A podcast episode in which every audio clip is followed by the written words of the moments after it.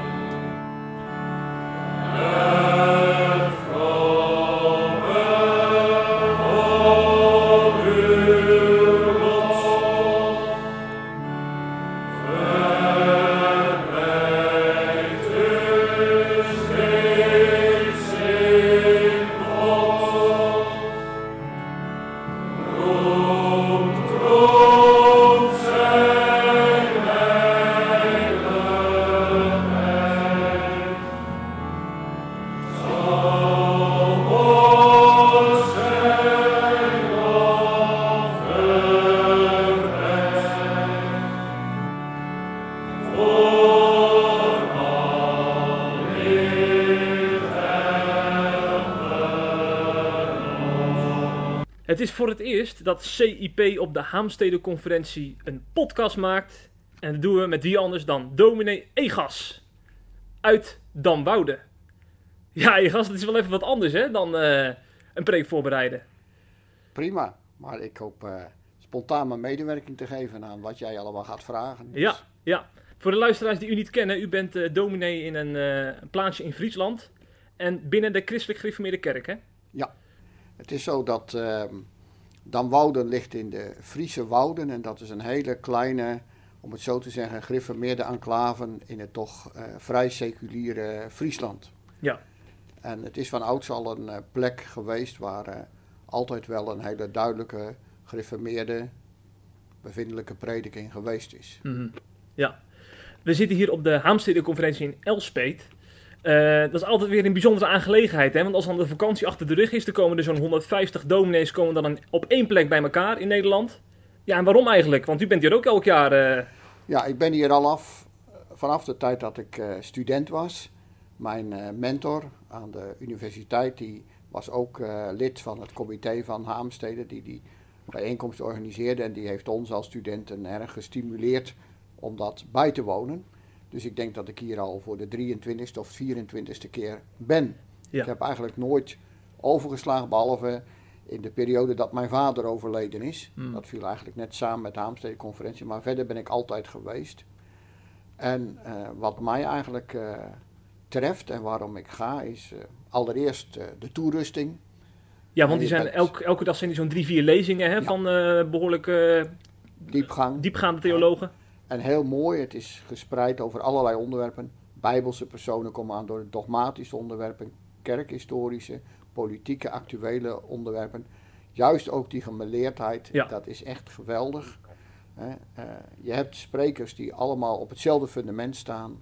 Dat geeft zo'n verbondenheid. En het tweede waarom ik ga is ehm, de ontmoetingen. Het is ontzettend samenbindend. Je doet er echt contacten op eh, die je ook in je verdere ambtelijke leven van tijd tot tijd echt nog eh, ja, tot steun zijn.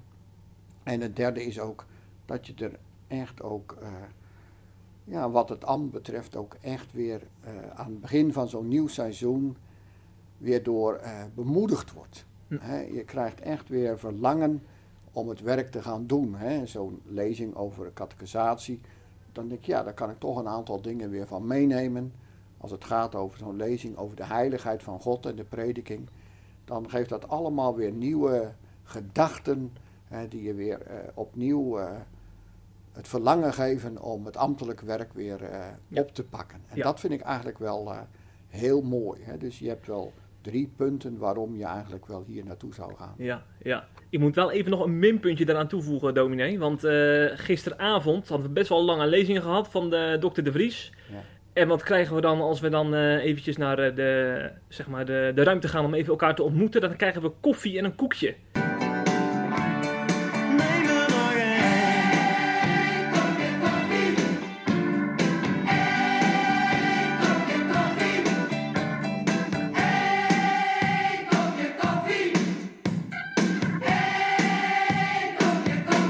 Maar dan is het tien uur s'avonds, hè? Is dat, niet, is dat niet een beetje... eh, Ja, ik vind dat het hier geweldig georganiseerd is wat betreft de innerlijke mens. Dus wat dat betreft. nee, daar heb ik ook geklaagd over, hoor. nee, en, en, en wat het inwendige betreft, eh, ja, voor mij eh zorgt ze goed. En als ik wat anders wil drinken, dan kan ik dat gewoon binnenhalen. Ja, je kunt hier natuurlijk ook eh, een sapje bestellen, Precies, natuurlijk. Ja, daarom dus, ja, eh. ja, ja. En de koffie is gratis, hè, wat dat betreft.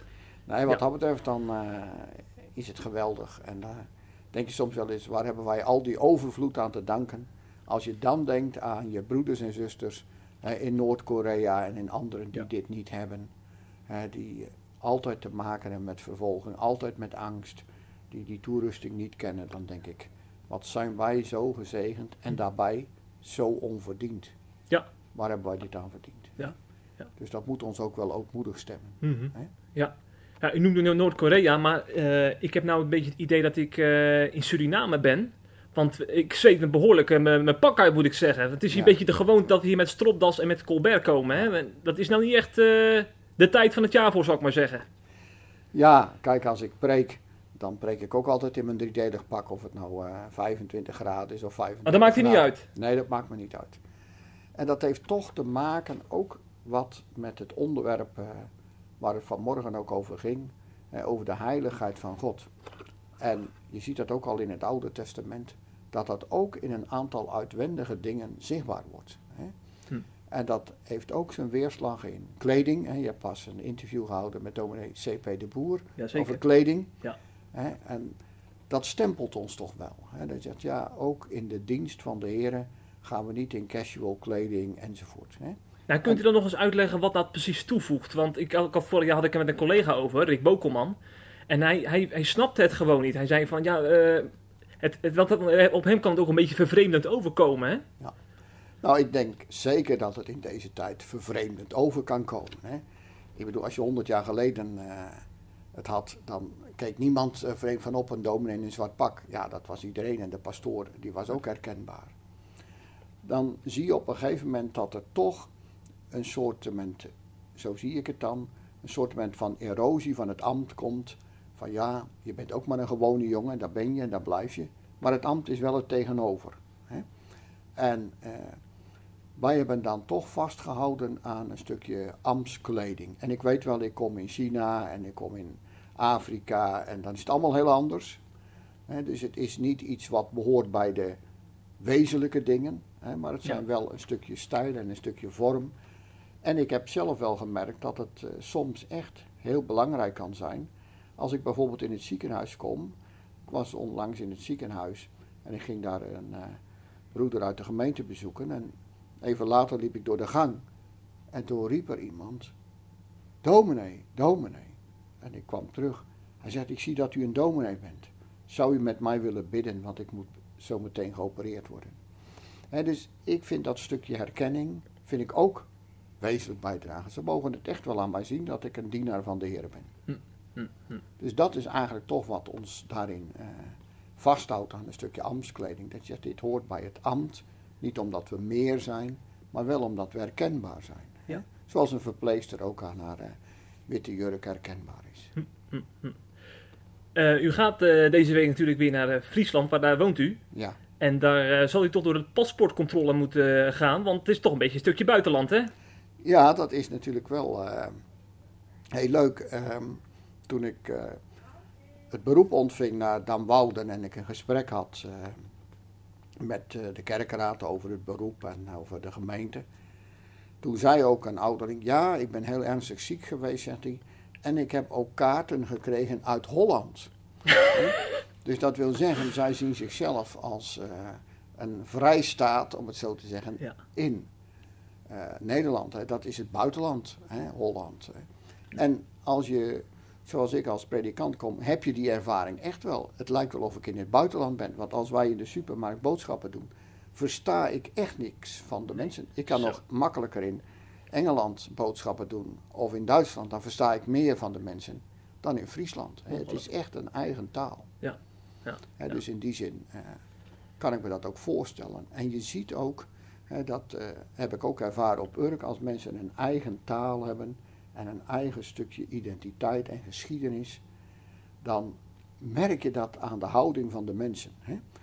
Ik vond dat ook heel typerend toen eh, mensen uit Amsterdam kwamen om die Zwarte Piet viering te verstoren, hè, die er was in Dokkum. Hè, en dat ze dan ehm, die mensen tegenhouden hè, aan de grens, zeggen wegwezen jullie hier. Wij Friesen, wij doen het zoals wij willen en hou jullie die Amsterdamse fratsen maar daar. Dat is kenmerkend voor de Friese mentaliteit. Dat zou ze ook op Urk gedaan hebben. Hm. Op Urk zou ze ook zo'n bus tegengehouden hebben. Ja. Wij zijn op Urk en wij doen het zoals wij het willen. Zaten er ook gemeenteleden van die op die snelweg zijn, eh, zijn gaan staan? Nee, Nee? ik, ik weet niet, maar ik weet wel dat er heel veel gemeenteleden eh, toch wel ergens sympathie hadden Ja. voor deze actie van de Friesen. Hè? Ja. Wij Friesen, als wij Sinterklaas vieren op onze manier en jullie daar uit die grachtengordel, Houden jullie je fratsen maar daar. Hè? Ja. Dat, dat een stukje nuchtere eh, Friesen en van joh, wij zijn hier eenvoudige mensen, hè, maar we laten ons niet door de stad ringeloren. Wij willen Zwarte Piet, wij willen Zwarte Piet. Zo zwart als roet en anders niet. Wij willen Zwarte Piet, wij willen Zwarte Piet. Zoals dit oude lied,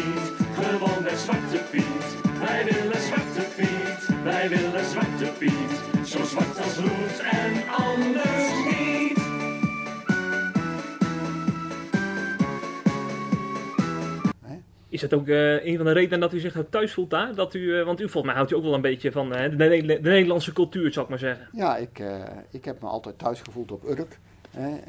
Iets onafhankelijks, iets eigenzinnigs. Ja, dat, dat, dat vind ik toch wel mooi in mensen. Iets onafhankelijks, iets... eh, ja, zo denken wij erover en daar handelen we naar. Ja. En, gevoelsmensen. hè. Hm. Ja. Dat vind ik toch wel heel, heel mooi. Ja, ja. Heel eenvoudig, recht aan en recht toe. Hm. Ja, dat vond ik op Urk en dat vind ik hier ook weer. Mhm. ja. Ja. En ziet er dan ook echt een kloof tussen bijvoorbeeld Amsterdam en, eh, en Friesland? Ja, zeker. Want, want ik, als ik wel eens mensen uit Amsterdam hoor praten, dan denk ik van, volgens mij komen ze van een andere planeet. Ja. Hè, al- zoals zo'n Zwarte Piet discussie bijvoorbeeld, daar wordt er heel anders over gepraat dan, dan in Damwoude, Ja. denk ik. Ja, je kunt echt zien dat je in Friesland, dan zeggen mensen, we zijn hier gewoon met elkaar en eh, we houden eh, niet te veel veranderingen, we houden zoals het geweest is. Ja. En dat is goed, eh, een zekere gemoedelijkheid, doe maar gewoon. Hè? En niet al die gekke fratsen. Precies. Ehm, we gaan van Friesland gaan we even naar eh, uw kerkverband, want u hoort bij de, nou u hoort natuurlijk bij, bij de Heer Jezus, maar dat, dat, dat stijgt boven de kerken uit, dat kunnen we niet genoeg benadrukken. Nou, precies. Maar u bent actief binnen de christelijk gereformeerde kerken. Als ik het goed heb, is dat een, een kerk waar zo ongeveer 75.000 men- Nederlanders lid van zijn. Dus het- Ja. we hebben het over het best wel een behoorlijk kerkverband. Ja. En eh, de CGK is nogal in het nieuws geweest dit jaar. U heeft natuurlijk ook wat nodig gelezen, denk ik, in het Reformatorisch Dagblad. En eh, dat daar nogal wat spanningen zijn. Kunt u eens voor, voor, de, voor de buitenstaanders uitleggen wat, wat er gaande is? Ja, dat kan ik zeker. En ehm, dat begon eigenlijk twintig jaar geleden al. Toen was ik eh, predikant op Urk. En toen kwamen we in klassesverband bij elkaar. En op de klasses bespreek je altijd het wel en het wee van iedere gemeente. En iedere gemeente doet daar verslag van wat er zich zo al afspeelt in de eigen gemeente. En toen vertelde de gemeente van Zwolle, de Kerk van Zwolle, dat zij het besluit genomen hadden om homoseksuele broeders die samen woonden aan het avondmaal toe te laten.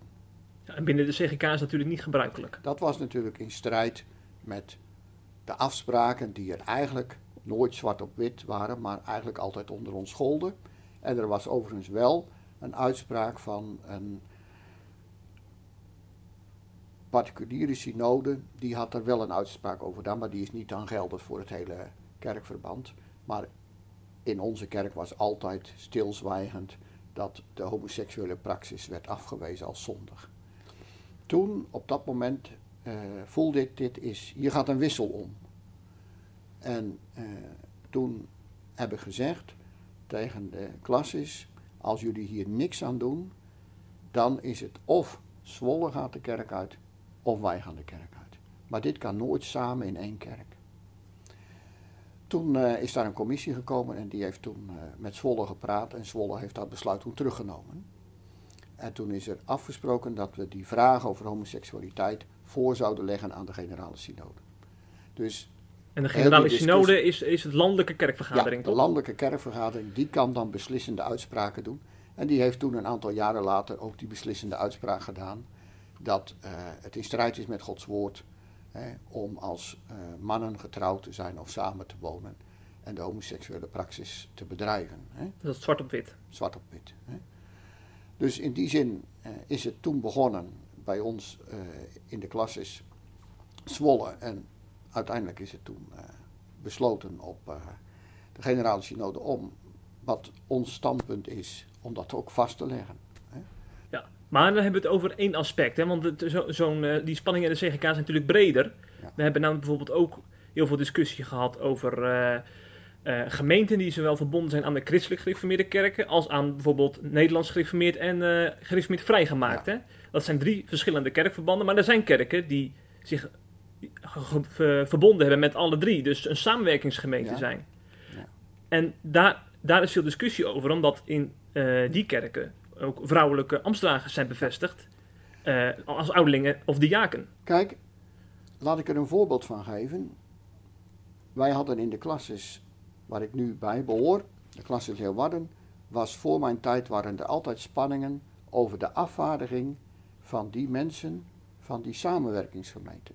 Want soms kwam er iemand die hoorde tot de christgriftmeerde bloedgroep, maar er kwam ook iemand wel eens die hoorde tot de bloedgroep van de GKV. Ja. En dan kwamen ze op de klasses en dan was het officiële beleid, jullie mogen alleen maar adviseren, niet meestemmen. En elke keer gaf dat een hoop met spanning.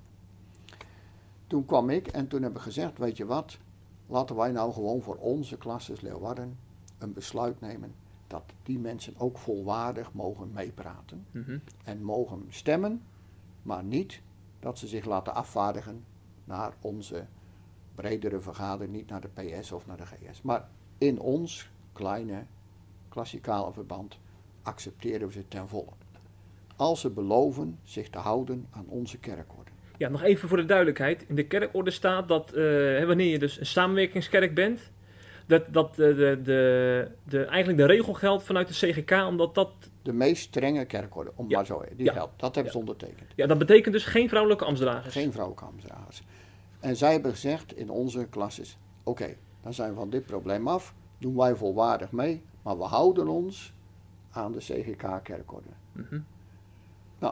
Dus in die zin sta ik echt wel open voor een stukje gezonde samenwerking.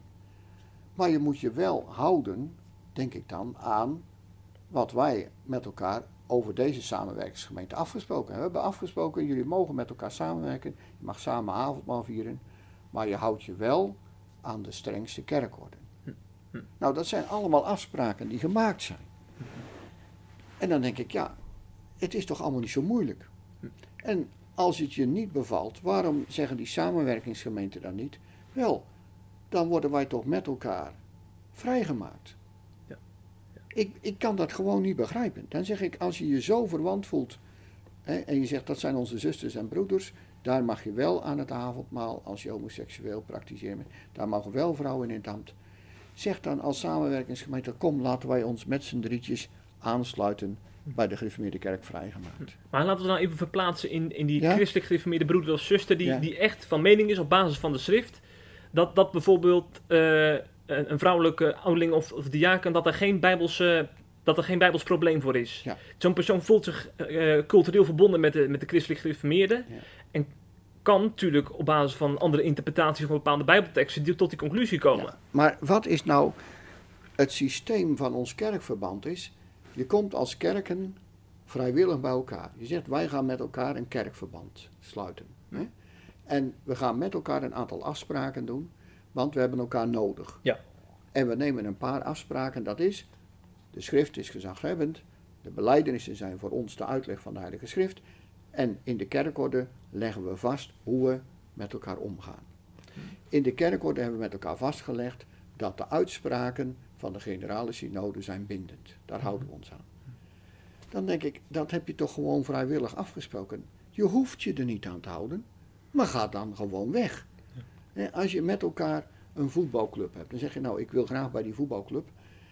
Maar ehm, we gaan met elkaar voetballen. Maar iemand zegt, ja, dat is natuurlijk wel leuk, maar ik vind dat ik die bal wel beet mag pakken en dat ik met die bal mag lopen. Dan zeggen we allemaal tegen elkaar, nee hoor, dat kan niet. We hebben met elkaar afgesproken dat we alleen met de voet en de keeper mag alleen de bal aanraken, niet jij. Ja, maar ik vind dat ik dat wel moet kunnen doen. Nee, we hebben dat afgesproken. Ja, maar, nou, dan werkt het toch niet. Maar dit, dit is natuurlijk wel iets waar, waar dokter Bert Loonstra ook wel eens over geschreven heeft. Dat is een, eh, een, een christelijk gereformeerde eh, predikant uit Gouda. Ik En die zegt- Bert heel goed. Ja, oh ja. Eh, hij heeft zich volgens mij in zijn blog eens verzet tegen dat verenigingsdenken. Want hij vindt een voetbalclub iets heel anders dan de kerk. Dat is namelijk het lichaam van Christus. Ja. En de de geschiedenis wijst ook uit dat wanneer je geleid door de geest met, met de tijd mee ontwikkelt, dat ook sta- standpunten kunnen veranderen. Ja, In de vroege kerk hadden ze andere standpunten dan vandaag Ja. de dag. Hè? Maar dan moet je wel met elkaar eens zijn. Ja, dat is Dat, belangrijk. dat vind ik het belangrijke. Ja. Hè? Kijk, ik zeg niet dat standpunten van onze synode tot in de eeuwigheid onveranderlijk zijn. De schrift is onveranderlijk. De beleidenis is niet onveranderlijk. En zeker geen synodale uitspraken zijn onveranderlijk. Maar zolang je met elkaar zegt, zoals bij het eerste apostelconvent, kwamen er ook vragen, hoe moeten wij? Toen zei het apostelconvent, je hoeft je niet meer te laten besnijden, je hoeft de feestdagen niet te houden. Alleen, eet geen, drink geen bloed. Ja, dat gaat voor de duidelijkheid gaat, gaat hier over eh, mensen die buiten het jodendom tot, tot geloof Ja, zijn gekomen. hoe moeten wij met hen omgaan? Hè? Ja. En toen is dat tegen hen gezegd. En dat was als het ware een soort synodale uitspraak. Hè? Mhm. Nou, dan denk ik, zo werken wij met elkaar. En dat heeft niks met verenigingsdenken te maken. Dat heeft met elkaar afgesproken. Wij herkennen elkaar en we moeten op een bepaalde manier met elkaar samenleven. Ja. Dat is toch ook in een huwelijk. Dan maak je ook afspraken met elkaar. Dat je elkaar zult liefhebben en zult dienen. En dat je niet naar een andere vrouw zult gaan. Mhm. Dan spreek je toch ook met elkaar af. Maar, maar ik vraag me dan toch af, Ja? eh, uiteindelijk stijgt er iets boven, boven dit alles uit. Dat is namelijk dat we verbonden zijn met de Heer Jezus. Dus of je nou gereformeerd vrijgemaakt bent, of christelijk gereformeerd, of evangelisch, of eh gereformeerde gemeente. En als je ik, eh, volgens mij dreigen we die lijn te verliezen als wij eh, in zo'n synode dadelijk weer hierover discussies gaan voeren. Of zie ik dat verkeerd? Natuurlijk is wat ons samenbindt, is dat we leven van genade. Door Christus verworpen. Dat is natuurlijk wat ons ten diepste samenbindt. Maar dat betekent niet dat je op grond van de schrift niet komt tot beleidende uitspraken. Want anders zou je kunnen zeggen, nou, als we het daarover eens zijn, hebben we ook geen beleidenis nodig. Hm. Maar we hebben juist met elkaar gezegd, omdat we allemaal een dwaalziek hart hebben, gaan we als kerk samen een aantal principiële uitspraken doen. We beleiden de drie-eenheid van God. Dus je kan geloven in de verzoening, maar je hebt ook te geloven dat God een drie-ene God is. Je kunt niet in onze kerk zeggen, nou ja, ik geloof wel in de verzoening en wel in de Heer Jezus, maar voor mij is de Heer Jezus eh, een volmaakte engel. Nee, zeggen we, hij is de drie-enige. Ja? Dus je doet een aantal beleidende uitspraken. Toch? Daarin herken je elkaar. Daarom zijn we ook niet rooms-katholiek. Ja. Hè? Ja. Omdat we een aantal beleidende uitspraken hebben. En bij die uitspraken hoort ook hoe je denkt over homoseksualiteit.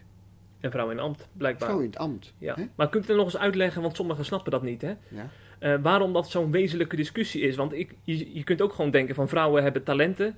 Die kunnen ze ook als ouderling inzetten in de kerk. En zeker als, als mannen tegenwoordig ook vaak te druk zijn om, om een, een, een taak als ouderling op te nemen. En er zijn de vrouwen die het wel kunnen. En wat zou ze dan tegenhouden? Nou, dat wij vanuit de schrift, vanuit de uitspraken van Paulus, tot de conclusie gekomen zijn dat het Gods bedoeling niet is dat vrouwen een ambt bekleden.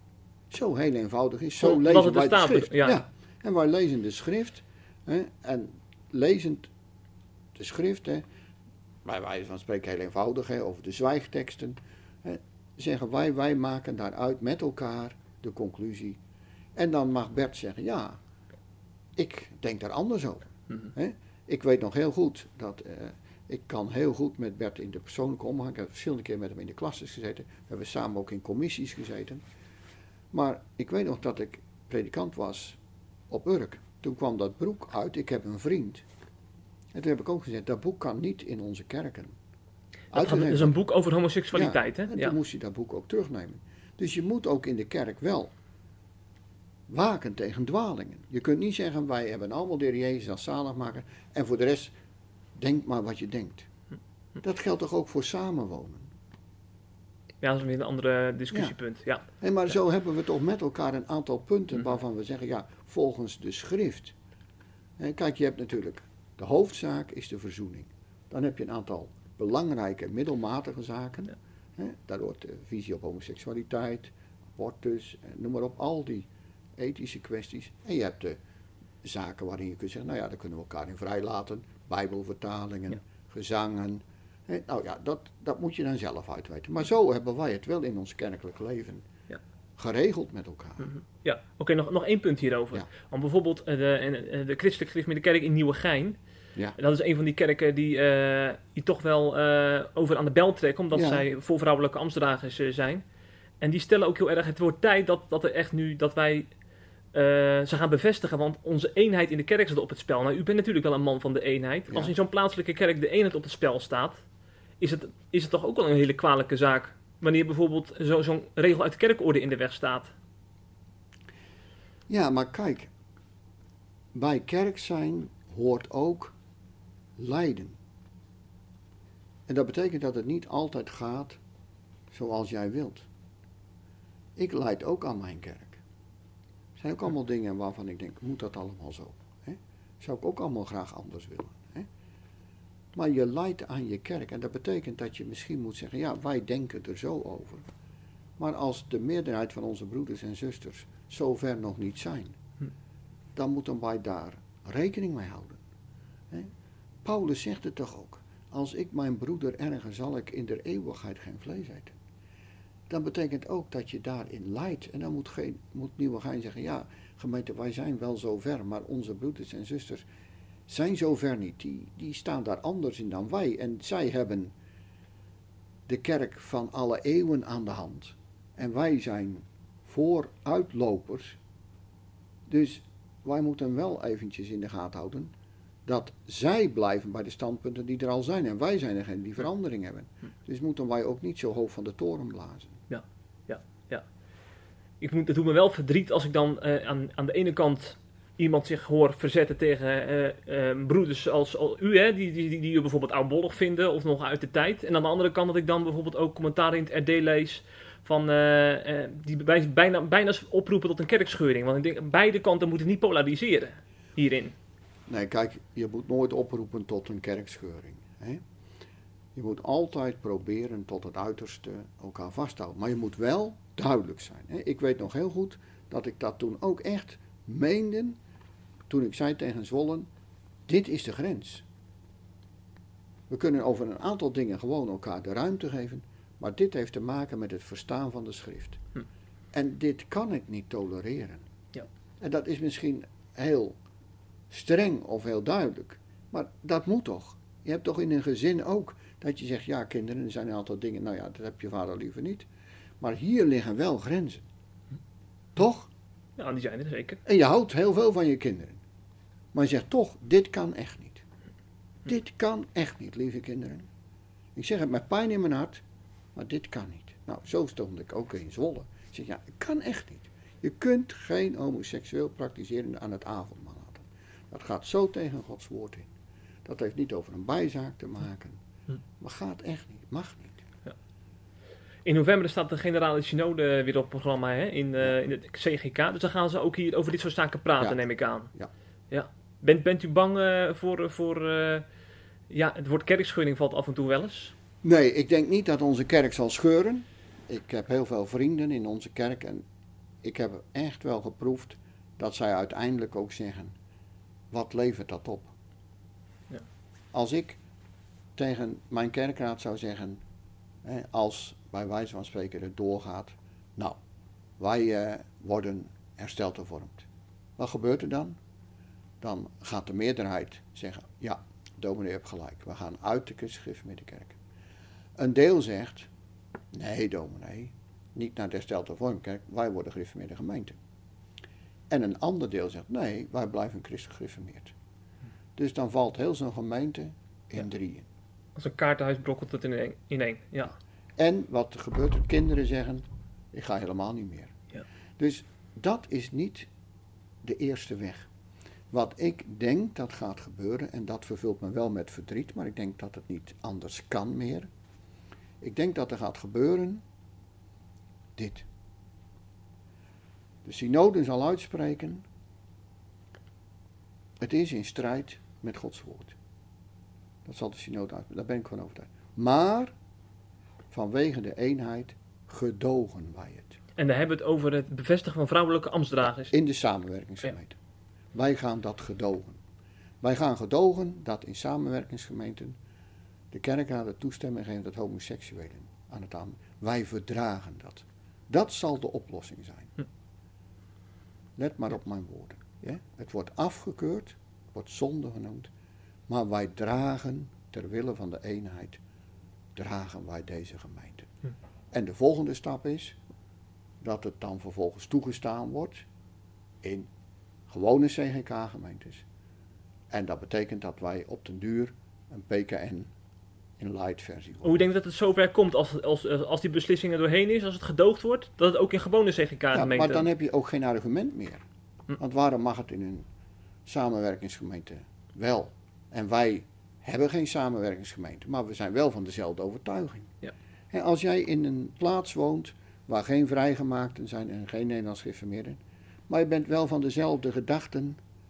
Hè, bijvoorbeeld eh, gemeentes bij ons in de klas is, die zeggen ja wij willen ook dat de vrouw in het komt. Maar ja, wij zijn geen samenwerkingsgemeente. Waarom mogen wij het dan niet doen? Ja. Dus dan is het hellend vlak is dan toch waar? Ja, nou dat geloof ik. Ik geloof echt dat het zo gaat. Hm. Ik geloof niet meer dat onze generale synode nog zal zeggen tegen IJmuiden, dat is een onwettig besluit. In IJmuiden is een vrouwelijke Ja, eh. Ja. En dat ze zullen zeggen, wat misschien nog is, dat ze zullen zeggen, ja wij roepen de klasses op om actie te ondernemen. Nou, dat gebeurt in die klasses niet. Hm. Hm. Dus er komt een gedoogbeleid. Ja, ja. ja. We hebben best wel lang over eh, uw kerk gepraat. Het is, ook logisch, want er is veel over te zeggen. Maar ik wil toch nog even naar een ander onderwerp, dominee. Ja. Want eh, op het Calvijn College heb ik trouwens ook nog gezeten in, eh, in Goes. Daar hebben ze een rigoureus besluit genomen.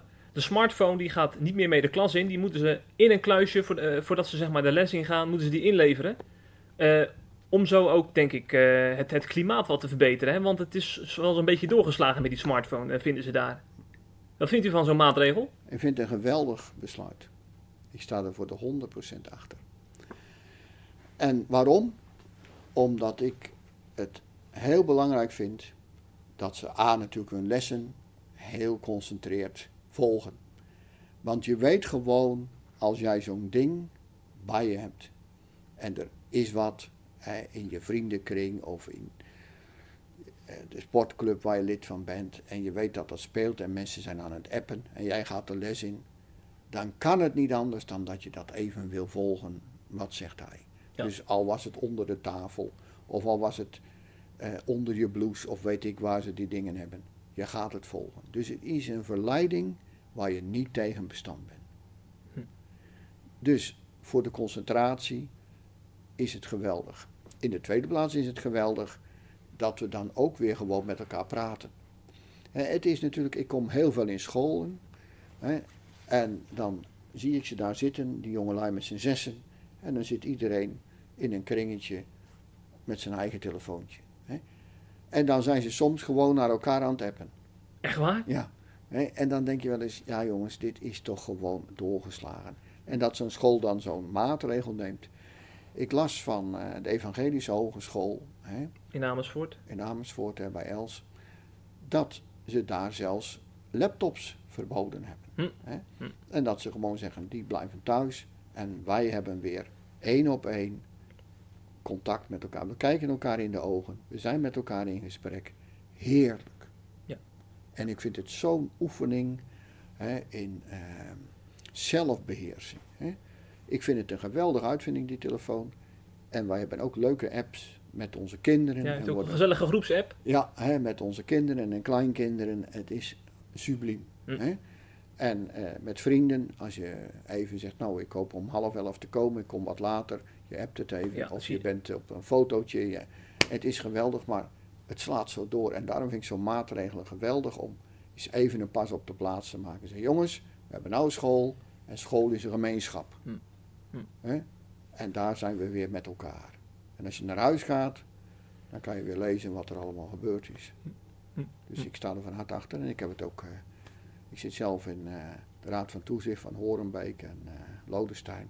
En we hebben het daar ook met elkaar over gehad. En daar heb je ook een vrij strikt beleid met de smartphone. Ik vind het heel fijn dat onze jongelui dat gewoon leren. Ja. Een stukje zelfbeheersing. Een strikt beleid. Dus wat houdt dat in daar dan? Nou, ook absoluut geen telefoon in de les. Nee, precies. Ja. Maar ik vraag me dan toch af, is het, was het niet een beter idee geweest om, om ze te leren omgaan in de les met een smartphone? Nee, want Je, kan, je hoeft dan niet per se je, je, je, je vrienden-appjes te, te checken in de les. Dan kun je toch ook leren om af te leren? Ehm, luister goed. Als jij dik bent Ja. hè, en jij moet leren om niet chips te eten. Ja. Ga je dan zeggen, nou joh, hier ga je zitten, ik zet die zak chips naast je. en dan mag je niet van eten. Dan zeg je, joh, die zak chips moet je wegdoen. Want als die bij je staat, dan krijg je elke keer zin erin. Dat is toch een hele nuchtere opvoedingsgedachte. Je moet die telefoon niet bij hebben, want dat kan niet. Ik oefen mezelf er ook in. Ik ben er bewust van, als ik die telefoon, ik zit te werken en er gaat een piepje, dan heb ik een natuurlijke neiging om te kijken. Hm. Dat heeft toch iedereen? Nou, zo werkt ons brein. Ja, Ja, ja. dus je moet gewoon de verleiding wegleggen. En je moet jezelf daar gewoon in oefenen, jongens. Weg dat ding. Ik- vind dat echt. Ik heb dat ook gelezen dat iemand dat zei. We moeten ze leren. Dat is gewoon een zwaktebod. Omdat je het niet voor elkaar krijgt. Om dat verbod in te voeren. En dan zegt ja, we moeten ze leren ermee om te gaan. Dat is gewoon pure onzin. Jij weet gewoon dat die kinderen kijken. Zelfs, het is verboden om te spieken. Hè, toch? Ja, zeker. Doen ze het daarom niet? Ik ben bang van wel. Ja, nou, dus als jij zegt, ik ga ze leren omgaan met die telefoon, nou, dan weet je toch bijvoorbeeld al dat ze die verleiding gewoon niet kunnen weerstaan. Als die piepjes gaan. En Ja. natuurlijk zeker niet als er iets spannends is. Er is een kwestie in de vriendengroep. hè, En net voor de pauze is het tot een escalatie gekomen in die vriendengroep. Dan weten ze gewoon, daar gaat over geappt worden. Ja. En dan ga jij tegen ze zeggen, niet aan die telefoon komen hoor. Nee, dat werkt wel niet. Nee, dat Nee. werkt echt niet. U, u noemde net eh, chips, hè? Chips eten. Ja. Is het ook niet een idee voor die Haamstede-conferentie? Door eh, tussen de lezingen door wat chips hier weg te Ja, zetten? precies. Ja. Ja, nou kijk, ik moet er zelf ook al tegen vechten. Dus voor mij zou het geen goed idee zijn. Oké, oké. Ja. Maar ik zou toch graag een medestander willen, al is het maar om, om een, een wat, wat frisdrank na de laatste avondlezing. Nou, Dus dat je dus naast de koffietap ook een, een, een tap voor cola of, of eh, jus d'orange hebt. Ik zal het zo meteen melden aan de leiding.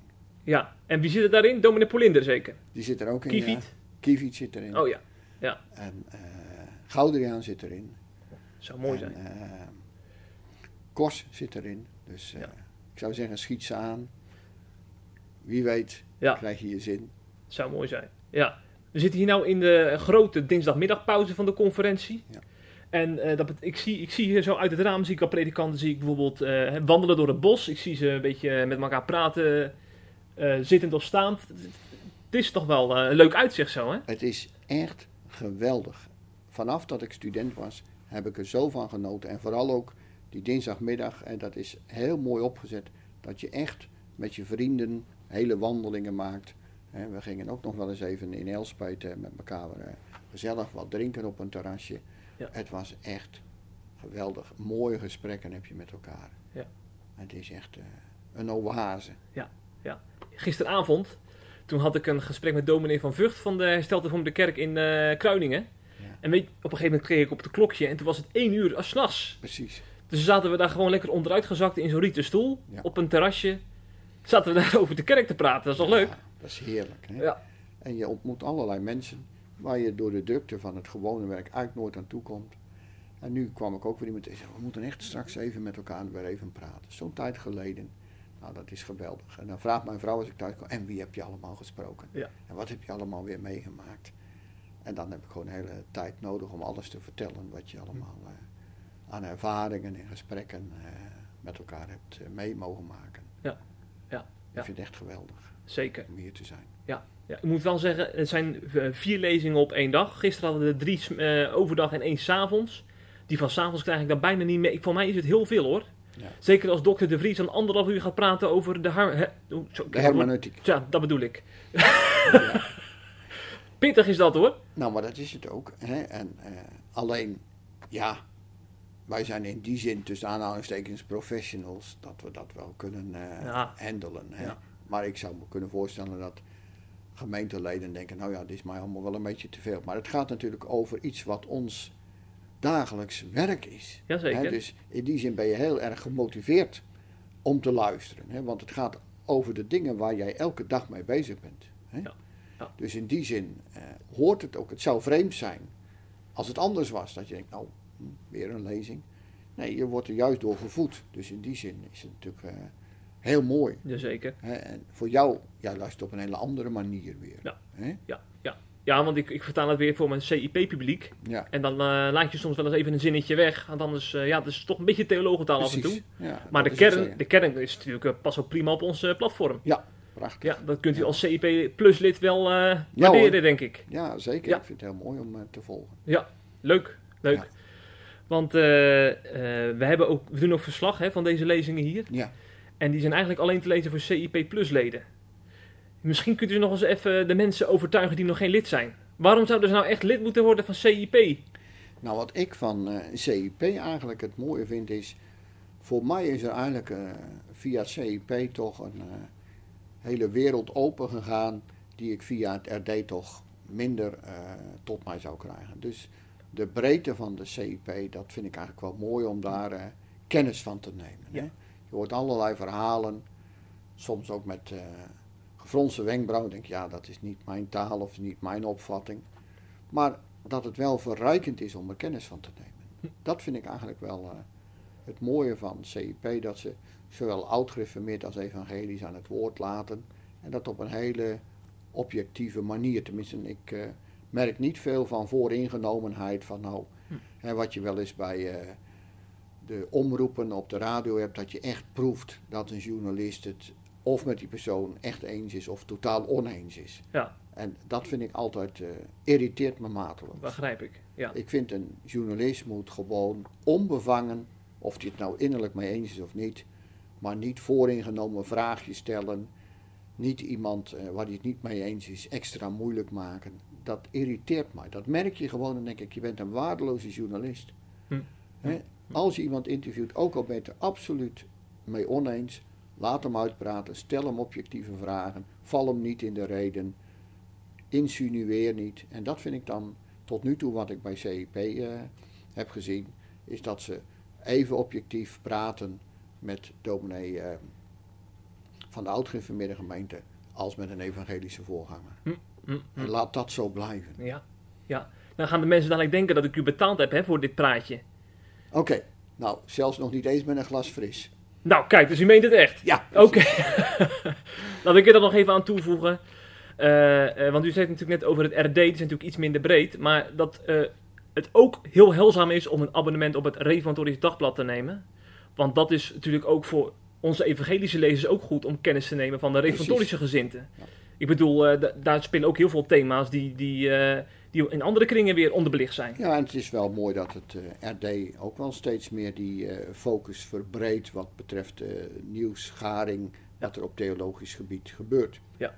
Ik zou wel willen dat het RD er wel meer duiding bij gaf. Hm. Dat zou ik wel graag willen. Ja, bij Maar deze is huiswerk van dominee Egans. prima. Ja. U gaat weer door de paspoortcontrole vandaag of morgen in Friesland? Morgen, denk Ja ik. hoor, ik hoop morgen eh, Ja. middag weer na de maaltijd weer naar huis te gaan. En s'avonds heb ik alweer bezoeken te doen. Dus eh, Ja. het werk wacht weer. Dominee zijn, dat is 24 uur per dag, hè? Zeven dagen in de week. Ja, Ja, ik was pas bij eh, de kapster en eh, toen hadden we het ook even over deze dingen. En toen heb ik ook tegen haar gezegd, ja, ik zeg, in die zin, en daar verhef ik me niet op, maar ik ben blij dat ik echt een ouderwetse dominee mag zijn die gewoon er altijd is. Hm. Dat maakt ook wel iets van de zwaarte van het ambt uit. Je bent nooit klaar.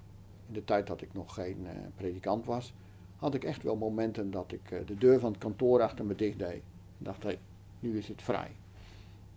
En dat heb ik eigenlijk alleen maar als ik eh, de autodeur achter me dicht trek en naar Frankrijk of zo rij. Twee weken. Maar voor de rest heb ik eigenlijk nooit dat gevoel van ik ben vrij. Hm. En soms kan dat best wel eens, eh, ja, pittig zijn om het zo te zeggen. Hm, snap ik. Maar aan de andere kant is je, zeg ja, dat is toch ook weer het mooie van het ambt. Je bent er altijd. Ja. In de eerste plaats in dienst van de heren, maar ook voor de mensen. Zo is het. Ja. Ik moet trouwens de kapper nog even een compliment maken. Het eh, ziet er goed uit, eh dominee. Ah, kijk eens aan. ja. Mooi. Dus eh, u mag daar terugkomen. Ja hoor, is een fijne kapster en is ook iemand die met de heren leeft. Dus altijd mooie gesprekken. Ja. Mooi. Bedankt voor deze podcast. Ik Graag vond, gedaan. ik vond het hartstikke gezellig. Ja, ik ook. En we gaan nog even, eh, ja, gaan nog even een frisse neus halen, denk ik. Dat is Precies. wel goed, hè? Nou, dat gaan we zeker doen. Ja. Tot ziens. Nou, Jeffrey,